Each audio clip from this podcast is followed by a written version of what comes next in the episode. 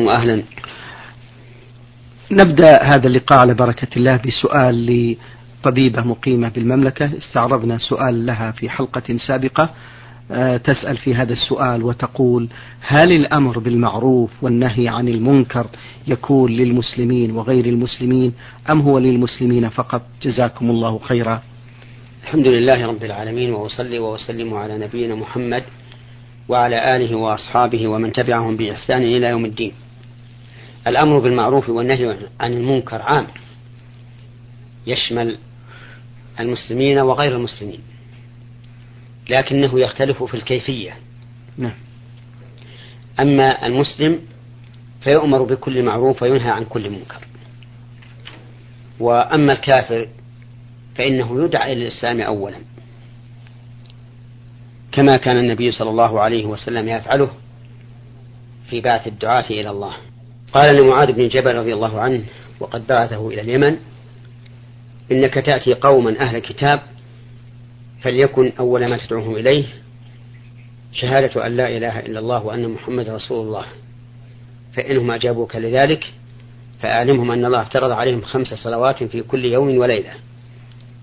فإنهم أجابوك لذلك فأعلمهم أن الله افترض عليهم صدقة في أموالهم تؤخذ من أغنيائهم فترد على فقرائهم فإنهم أجابوك لذلك فإياك وكرائم أموالهم واتق دعوة المظلوم فإنه ليس بينها وبين الله حجاب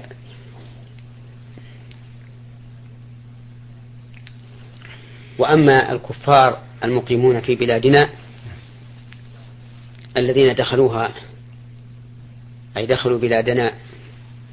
إما بعهد أو أمان فإنهم ينهون عن إظهار المنكر أو إظهار شيء من شعائرهم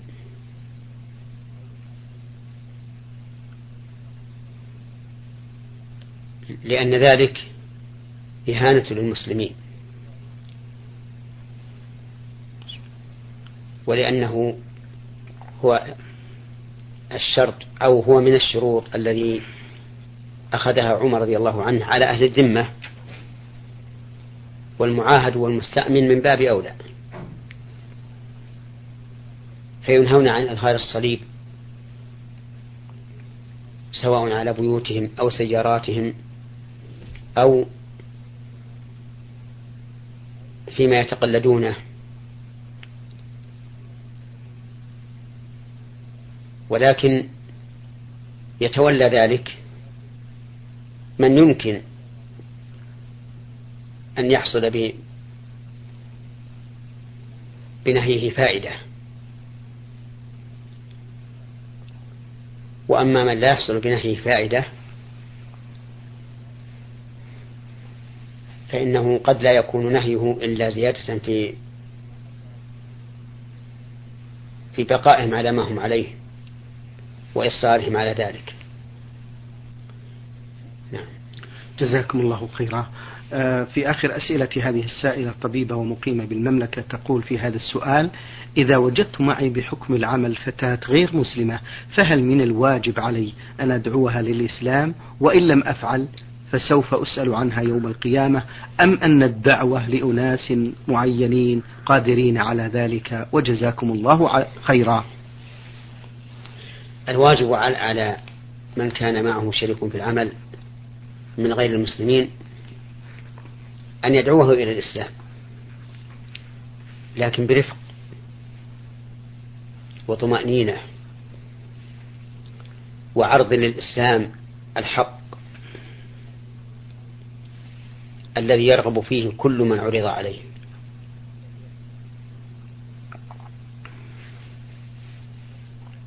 وليس مقياس الإسلام عمل عمل المسلمين نعم. لأن من المسلم من يعمل أعمالا لا تمت إلى الإسلام بصلة من الكذب والخيانة والمماطلة يظن أن أخلاق هذا هي ما جاء به الدين الإسلامي والدين الإسلامي جاء بالصدق وأداء الأمانة والوفاء بالعهد قال الله تعالى يا أيها الذين آمنوا أوفوا بالعقود وقال تعالى وأوفوا بالعهد إن العهد كان مسؤولا بل قد قال الله تعالى لا ينهاكم الله عن الذين لم يقاتلوكم في الدين ولم يخرجوكم من دياركم أن تبروهم وتقسطوا إليهم إن الله يحب المقسطين فبين الله تعالى أنه لا ينهانا أن نعامل هؤلاء الذين لم يقاتلونا في الدين ولم يخرجونا من ديارنا لا ينهانا أن نعاملهم بالإحسان أو بالعدل على الأقل أن تبروهم وتقسطوا إليهم وأما من أساء إلى عماله من مسلمين أو غير المسلمين فهو في الحقيقة قد أساء إليهم شخصيا وإلى الإسلام معنويا لأن هؤلاء يظنون أن هذا خلق الإسلام وهذا ليس من الإسلام في شيء وخلاصة ما أجيب به سؤال هذه المرأة نعم.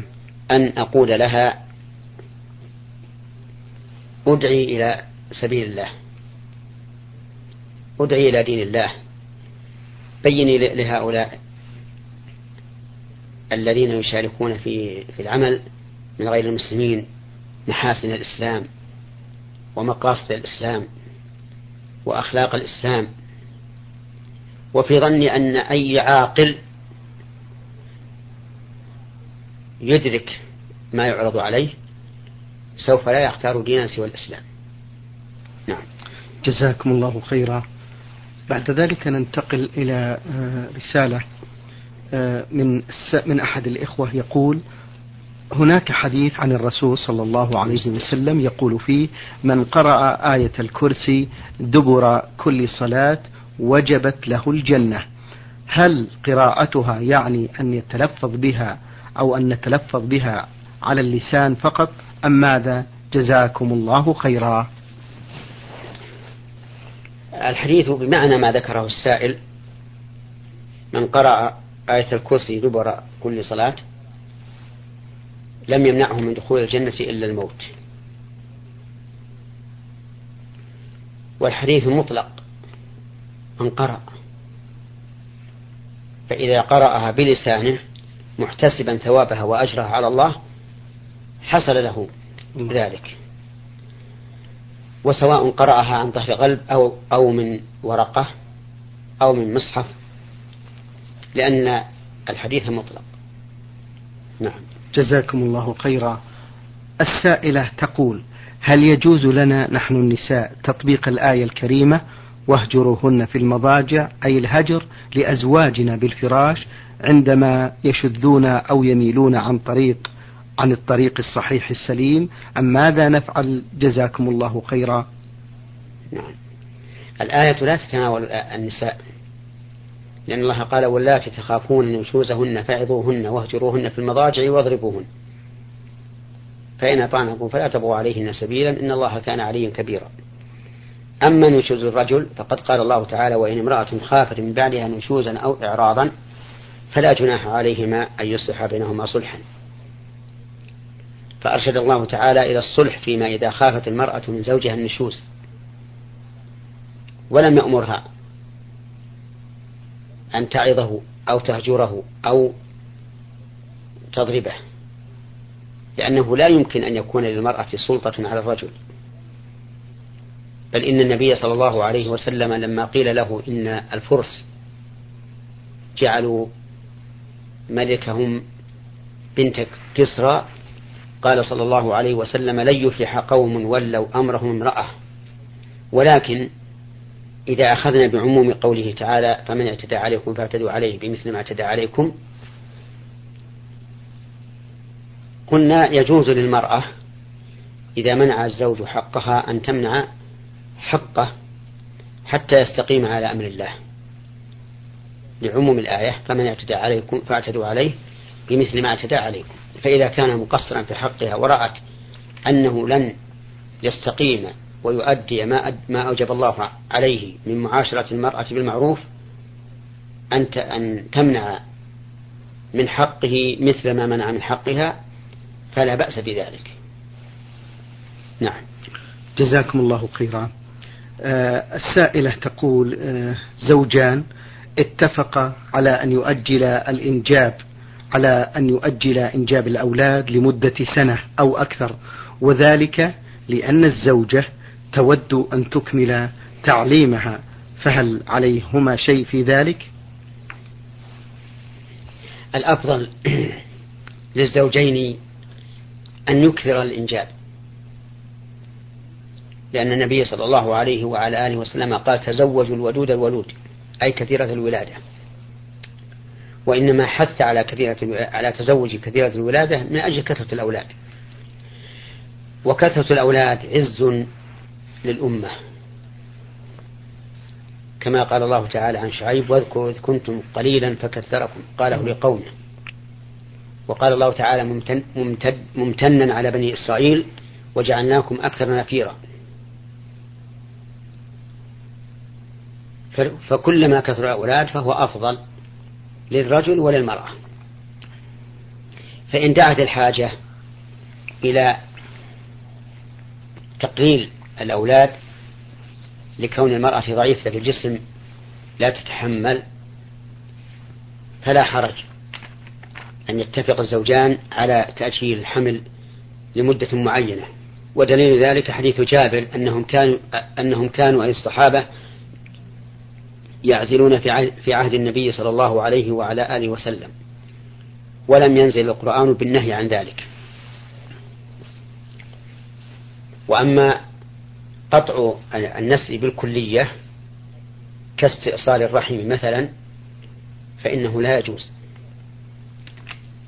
إلا إذا كان هناك ضرورة بأن حدث في الرحم أورام تؤدي إلى الهلاك مثلا فلا بأس بالصالح حينئذ نعم جزاكم الله خيرا هذه السائلة تقول لي صديقة متعلمة تزوجت من ابن عمتها وهي الآن تعيش معهم في ذلك البيت ويحصل غيبة كثيرة فيوميا تأتي النسوة إليهم ويجتمعن بالحديث على الناس فلا يترك أحدا من شرهم أما صديقتي فإنها إما أن تبقى جالسة تستمع لكلامهم دون أن تتحدث أو أن تتكلم أو أن تتركهم وتذهب إلى غرفتها تجلس فيها فهل عملها صحيح أرشدوها على الخير جزاكم الله خيرا إذا كانت هذه الصديقة هي ربة البيت التي تملك المنع والإذن للداخلين فإنه يجب عليها أن تمنع الإذن لهؤلاء النسوة اللاتي لا يجلسن إلا على لحوم الناس وأما إذا كانت لا تملك ذلك وليست ربة البيت فإنه يجب عليها إذا سمعت إذا سمعت غيبة هؤلاء النساء أن تنصحهن أولا فإن لم يكففن عن الغيبة وجب عليها أن أن تقوم عن المكان إلى حجرتها أو غرفتها حتى يغادر هؤلاء البيت ولكني أنصح قبل كل شيء أنصح هؤلاء النساء من الغيبة لأن الغيبة من كبائر الذنوب وقد مثلها الله تعالى بأقبح مثال فقال تعالى ولا ولا يغتب بعضكم بعضا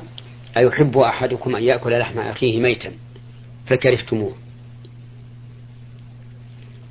ومن المعلوم أنه لا أحد يحب أن يأكل لحم أخيه حيا فضلا عن كونه ميتا والمغتاب كالذي يأكل لحم الميت لأنه يغتاب هذا الرجل بغيبته بحيث لا يستطيع أن يدافع عن نفسه أي الذي اغتيب كالميت يؤكل لحمه لا يستطيع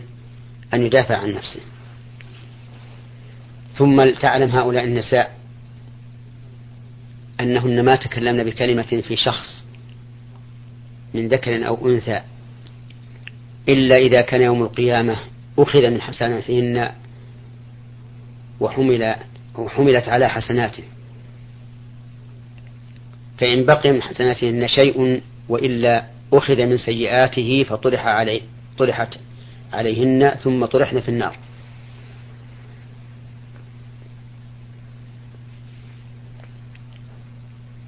ويروى بسند فيه نظر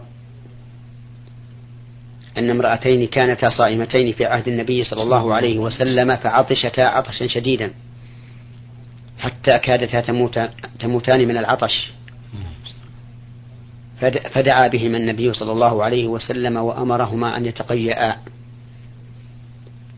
فتقيأتا قيحا وصديدا ولحما عبيطا ثم قال النبي صلى الله عليه وسلم إن, هؤل إن هاتين صامتا عما أحل الله لهما وأفطرتا على ما حرم الله عليهما جلست إحداهما إلى الأخرى فجعلتا تأكلان لحوم الناس ورأى النبي صلى الله عليه وسلم أقواما لهم أظفار من نحاس يخمشون بها وجوههم وصدورهم فقال من هؤلاء يا جبريل قال هؤلاء الذين يأكلون لحوم الناس ويقعون في أعراضهم فليحذر هؤلاء النسوة من الغيبة وليتقين الله عز وجل وإذا كانت الغيبة في الأقارب صارت غيبة وقطيعة والعياذ بالله وقطيعة الرحم من كبائر الذنوب العظيمة قال الله تبارك وتعالى فهل عسيتم إن توليتم أن تفسدوا في الأرض وتقطعوا أرحامكم أولئك الذين لعنهم الله فأصمهم وأعمى أبصارهم وقال جل وعلا وقال النبي صلى الله عليه وسلم لا يدخل الجنة قاطع أي قاطع أي قاطع رحم فالغيبة إذا كانت في الأقارب صارت أشد وأعظم وإذا كانت في عامة الناس كانت من كبائر الذنوب فلا يمكن أن يسلم المغتاب من إثم أبدا ولكن مع ذلك إذا تاب الإنسان ورجع إلى الله واستحل من اغتابه إن كانت الغيبة قد بلغت فإن الله تعالى يمحو بذلك سيئاته جزاكم الله خيرا السائلة تقول في هذا السؤال إذا كنت أصلي مثلا صلاة الفجر وبعد أن قلت التحيات نسيت أو زدت ركعة ثالثة فماذا علي في هذه الحالة هل أكمل الركعة أم أرجع للجلوس وأسلم الواجب على من سهى وقام إلى ثالثة في الفجر أو رابعة في المغرب أو خامسة في الظهر والعصر والعشاء الواجب عليه أن يرجع متى ذكر حتى لو قرأ الفاتحة حتى لو ركع ورفع فالواجب عليه أن يرجع ويجلس ويسلم ثم يسجد سجدتين بعد السلام وعلى هذا فيكون الجواب على سؤال المرأة أنها إذا نست وقامت وهي تتشهد في صلاة الفجر أن ترجع من حين أن تذكر وتجلس للتشهد وتكمله ثم تسلم وتسجد سجدتين للسهو وتسلم جزاكم الله خيرا السائل عين ميم ميم مقيم بالرياض يقول هل ذكر الأشخاص الموتى بما كانوا يعملون من أعمال سيئة من ربا وغيره وانتقام الله منهم وذلك بأن الله عز وجل يمهل للظالم ولا يهمل وذكرهم والاعتبار بهم والتسخط عليهم هل ذكرهم بالاسم فيه شيء من الغيبة أو من الحرام أو من الحرام نعم ذكر الموتى بسوء أعمالهم قد نهى عنه الرسول عليه الصلاة والسلام فقال لا تسبوا الأموات فإنهم أفضوا إلى ما قدموا ولكن يسأل الله لهم العفو والمغفرة فربما يستجاب دعاؤه لهم فيغفر الله لهم ويعفو عنهم وأما ذكر مساوئهم فتذكر لا على سبيل التعيين فيقال مثلا في التحذير عن الربا ألم تروا إلى قوم انتهكوا محارم الله وصاروا يتعاملون في الربا ثم فارقوا الدنيا ولم يدفن معهم شيء من أموالهم بل تركوها لغيرهم فلغيرهم الغنم وعليهم الغرم وما أشبه ذلك مما يتعظ به الأحياء وأما ذكر الإنسان بعينه فهذا لا يجوز نعم جزاكم الله خيرا السائل خالد آه، خلف جمهورية مصر العربية يقول في هذا السؤال أسأل عن الحكم الشرعي في صلاة الشخص الذي يؤم الناس ولا يحب لهم ما يحب لنفسه مع العلم بأنه يصلي بهم إماما مع وجود من هو أصح منه أفتونا بذلك مأجورين الإمام الذي لا يحب لإخوانه ما يحب لنفسه ناقص الإيمان ناقص الإيمان لقول النبي صلى الله عليه وعلى آله وسلم لا يؤمن أحدكم حتى يحب لأخيه ما يحب لنفسه وقال النبي صلى الله عليه وعلى آله وسلم من أحب أن يزحزح عن النار ويدخل الجنة فلتأته منيته وهو يؤمن بالله واليوم الآخر وليأتي إلى الناس ما يحب أن يؤتى إليه فهذا الإمام الذي لا يحب لإخوانه ما يحب لنفسه لا شك أنه ناقص الإيمان وأما كونه إماما وفي القوم من هو خير منه فإن كان إماما راتبا قد ولي من قبل ولي الأمر فلا حرج إذا كان يأتي بالواجب وأما إذا كان ليس إماما راتبا فإن فإنه لا لا يقدم بين يدي من هو خير منه لقول النبي صلى الله عليه وعلى آله وسلم يؤم الناس يؤم القوم أقرأهم لكتاب الله فإن كانوا في القراءة سواء فأعلمهم بالسنة فإن كانوا في السنة سواء فأقدمهم هجرة فإن كانوا في الهجرة سواء فأقدمهم سلما يعني إسلاما أو قال سنا يعني أكبر عمرا نعم جزاكم الله خيرا آه، نختم هذه الحلقة بسؤال السائل من السودان أحمد العوض سوداني مقيم بالرياض يقول أسأل ما الفرق بين أن تحلف بالله قولا و... بين أن تحلف بالله قولا وأن تحلف من المصحف أرجو الإفادة تحلف بالمصحف المصحف نعم الحلف بالله هو الأصل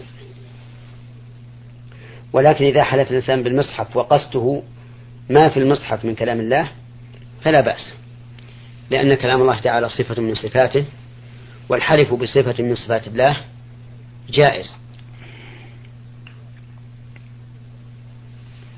أما إذا قصد المصحف الذي هو الأوراق والجلد فإنه لا يجوز الحلف به وذلك لأن الحلف بغير الله كفر أو شرك ومن ذلك أن يحلف بالنبي أو بالكعبة أو بجبريل أو ميكائيل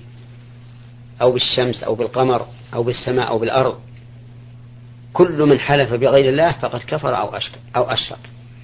لكن إما أن يكون كفره كفرا مخرجا عن الملة كما لو اعتقد أن هذا المحلوف به له من العظمة والسلطان ما لله عز وجل فهذا كفر أكبر وشرك أكبر